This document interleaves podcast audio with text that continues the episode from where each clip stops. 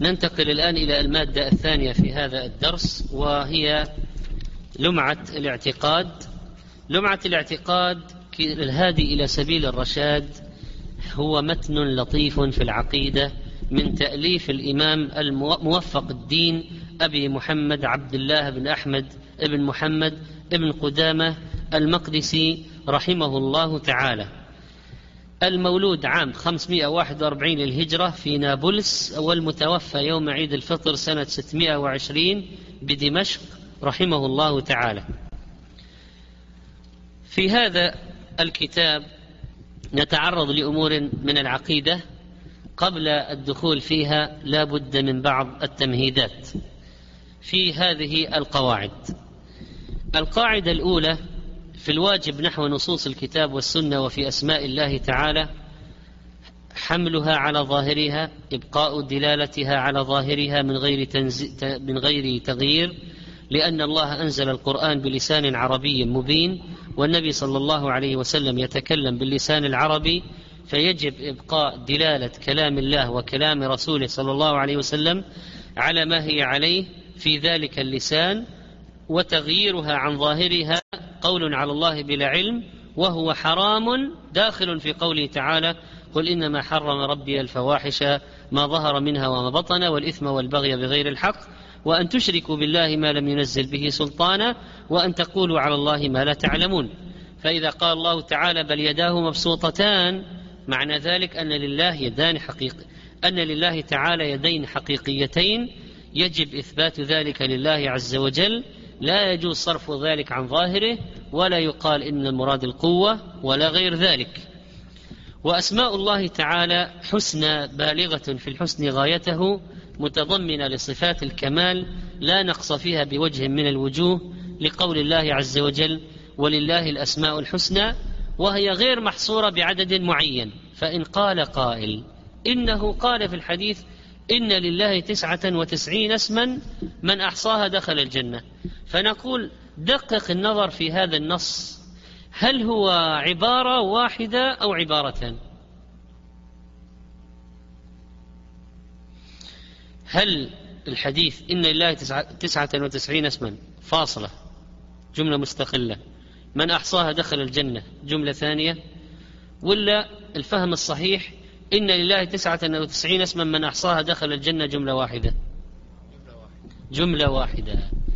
يعني لله أسماء كثيرة لكن هناك تسعة وتسعين منها الذي يحصيها يدخل الجنة.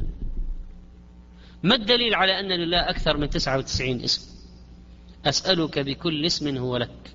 سميت به نفسك أو أنزلته في كتابك أو علمته أحدا من خلقك أو استأثرت به في علم الغيب عندك. طيب معنى ذلك أن هناك أسماء لا نعرفها.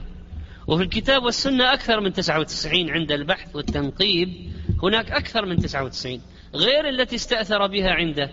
لكن من الأسماء التي نعرفها افرض واحد أحصاها قال بلغت 114 120 نقول هناك 99 منها الذي يحصيها يدخل الجنة. ما معنى إحصاؤها؟ حفظها معرفة معناها اثنين العمل بمقتضاها ثلاثة.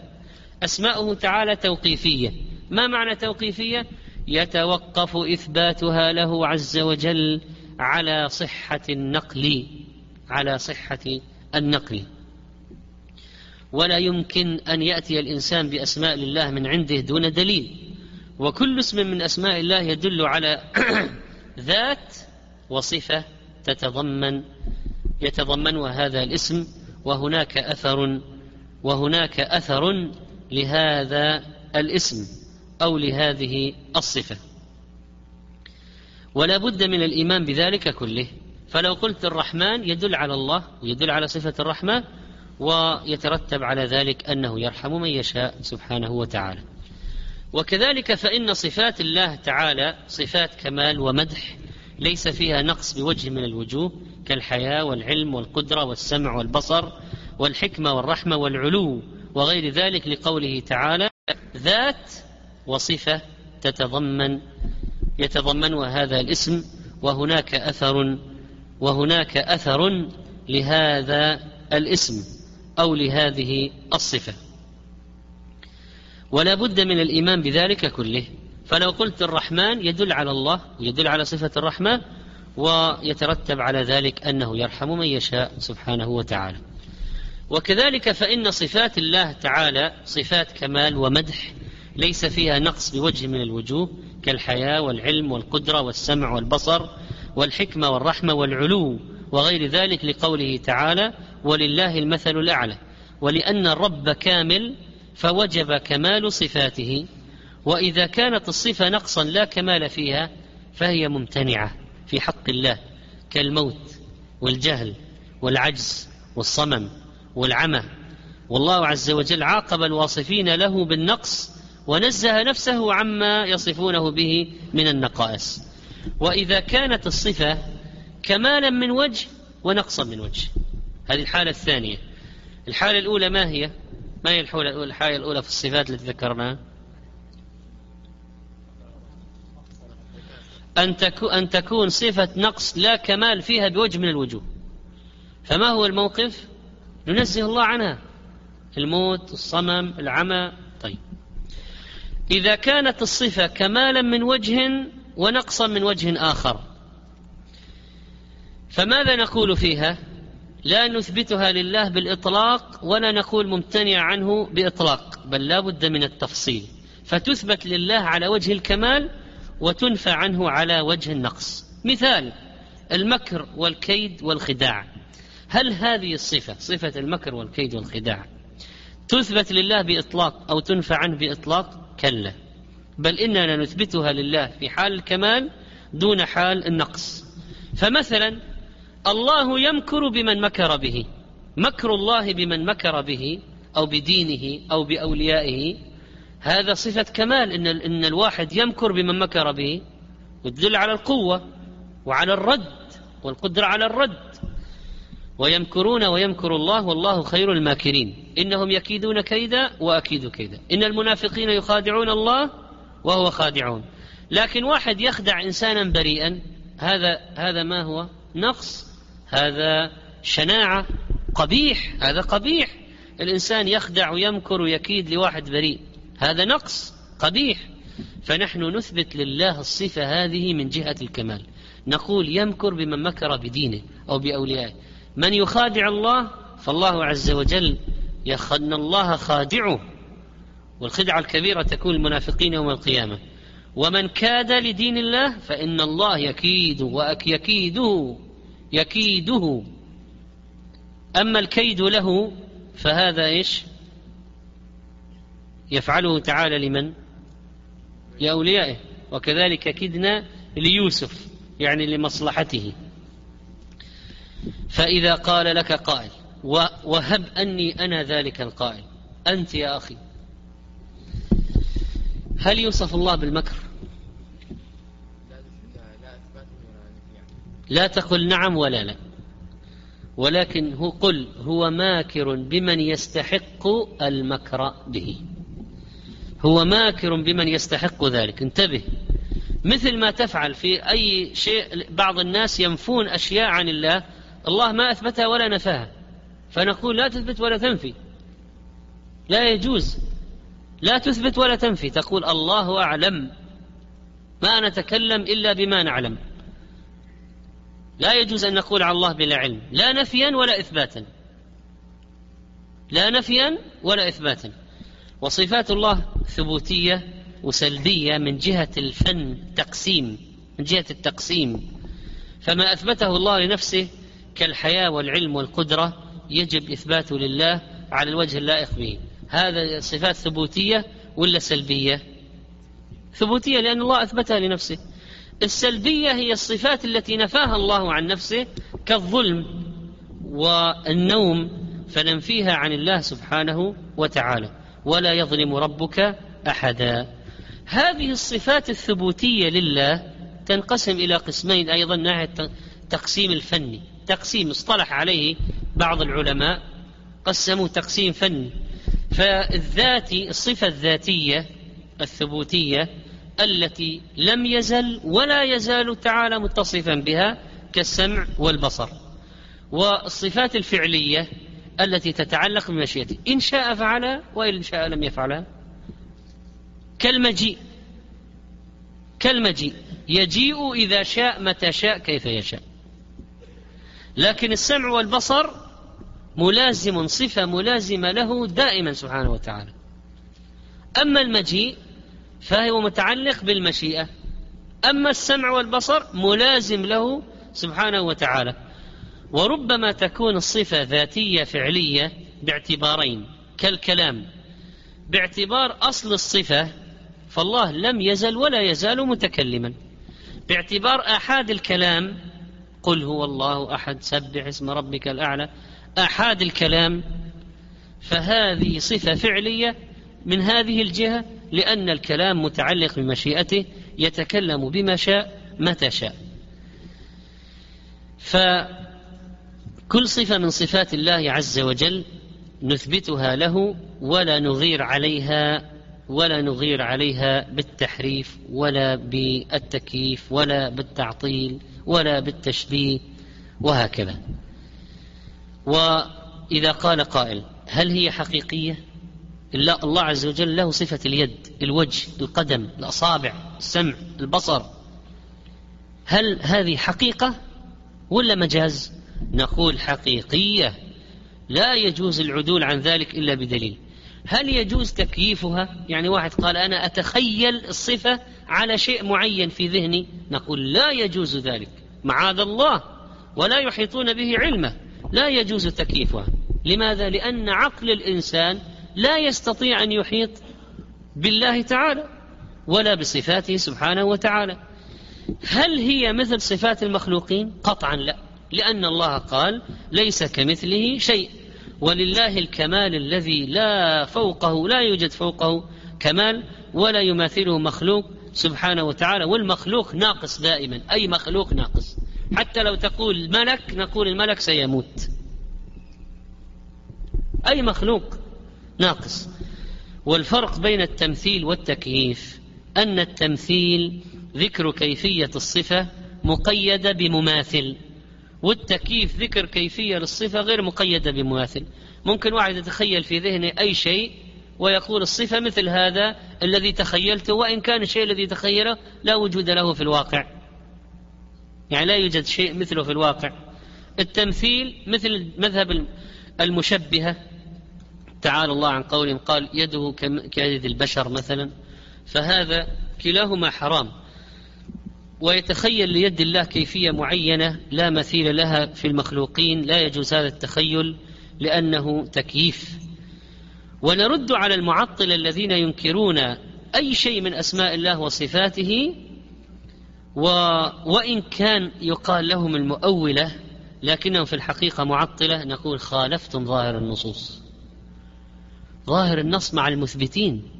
أنت يا أيها المعطل الذي تسوي نفس تسمي نفسك مؤولا وتسمي عملك زورا تسميه تأويلا فنقول هذا خلاف ظاهر النص وخلاف طريقة السلف.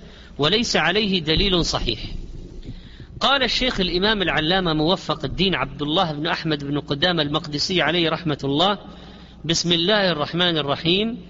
الحمد لله المحمود بكل لسان المعبود في كل زمان الذي لا يخلو من علمه مكان ولا يشغله شأن عن شأن جل عن الأشباه والأنداد وتنزه عن الصاحبة والأولاد ونفذ حكمه في جميع العباد لا تمثله العقول بالتفكير ولا تتوهمه القلوب بالتصوير ليس كمثله شيء وهو السميع البصير. له الأسماء الحسنى والصفات العلى. الرحمن على العرش استوى. له ما في السماوات وما في الأرض وما بينهما وما تحت الثرى. وإن تجهر بالقول فإنه يعلم السر وأخفى. أحاط بكل شيء علما. وقهر كل مخلوق عزة وحكما. ووسع كل شيء رحمة وعلما. يعلم ما بين أيديهم وما خلفهم ولا يحيطون به علما. موصوف بما وصف به نفسه في كتابه العظيم وعلى لسان نبيه الكريم. سمى المصنف رحمه الله كتابه لمعة الاعتقاد واللمعة هي البلغة من العيش. وهذا المعنى لعله مناسب لموضوع الكتاب لأنه كأنما يقول لك هذا المصنف إنني قد كتبت لك بلغة من الاعتقاد الصحيح بلغة من الاعتقاد يبلغك والمقصود الاعتقاد الصحيح المطابق لمذهب السلف. والاعت... لمعة الاعتقاد ما معنى الاعتقاد؟ الحكم الذهني الجازم إذا طابق الواقع فهو صحيح وإذا لم يطابق فهو فاسد.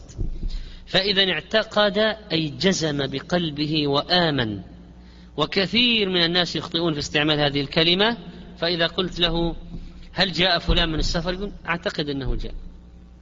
كيف تعتقد أنه جاء؟ تعتقد يعني جزما مئة بالمئة فيخطئون يستعملون كلمة أعتقد بدل أظن. كثيرا ما تقع هذه. أعتقد أنها في حدود يقول أعتقد أنها في حدود مئة.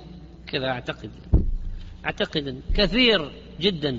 لجهلهم بالمعنى اللغوي للكلمة. الاعتقاد هو الحكم الذهني الجازم وعقد القلب على الشيء جزما. لكن هذا الاعتقاد قد يكون فاسدا. الهندوس ما عندهم عقيدة البوذيين ما عندهم اعتقاد وربما الواحد يعذب إلى الموت ولا يتراجع عن اعتقاده. لكن اعتقاد باطل. صح هو جزم بقلبه ويقينا لكن على شيء باطل. وإذا كان الاعتقاد حق فهو عقيدة صحيحة سليمة. بدأ المصنف رحمه الله خطبة الكتاب بالبسملة اقتداء بكتاب الله العظيم واتباعا لسنة رسول الله صلى الله عليه وسلم بسم الله الرحمن الرحيم. طبعا هي ولا شك جزء من آية وآية ونزلت الفصل بين السور. ولما تردد الصحابة هل سورة براءة جزء من سورة الأنفال ولا هي سورة مستقلة؟ بلغوا التحري الدقيق والورع في العملية فلم يثبتوا البسملة لأنهم لا يجزمون أنهما سورتان مستقلتان منفصلتان. ولم يضعوا التوبة وراء الأنفال مباشرة. وإنما فصلوا بينهما لكن بغير البسملة. فصلوا بينهما لكن بغير البسملة. لترددهم هل هي منها أم لا؟ وهذا لا يضر يعني عدم مات النبي صلى الله عليه وسلم ولو ولم يتع... يعلم منها لما سورتان أو سورة لا يضر. لأن الآيات موجودة والسورة موجودة والأحكام موجودة. ما نقص شيء من الدين بعدم معرفة هل هما سورتان أو سورة. لكن الدرس الذي نأخذه من الصحابة كيف أنهم تحروا الدقة فلم يقطعوا بهذا أو بهذا لأنه ليس عندهم قطع. في القضية. طيب المقصود بالباء بسم الله الرحمن الرحيم. هذه فيها جار ومجرور وفيها مضاف إليه وفيها صفة. فأين الجار والمجرور؟ بسم الله. الجار والمجرور لا بد له من متعلق يتعلق به يعني لا بد أن الجار والمجرور يتعلق بشيء بسم الله إيش في يعني العبارة تحتاج إلى تكميل تتعلق بشيء. بسم الله الرحمن الرحيم ماذا؟ فلا بد أن تعلقه بشيء. من ناحية اللغة أحسن ما تعلقه به فعل محذوف. تقديره حسب الحال. إذا كان أكل بسم الله آكل. إذا كان كتابة بسم الله أكتب. إذا كان قراءة بسم الله أقرأ. وهكذا. تيمنا وتبركا بذكر اسم الله وطلب الاستعانة به عز وجل. طيب الآن التقدير أقرأ بسم الله أو أصنف إذا كان هذا مثلا مصنف. أصنف بسم الله أكتب بسم الله ولا بسم الله أكتب؟ بسم الله أقرأ. إيش الأحسن؟ أن تقول بسم الله أكتب بسم الله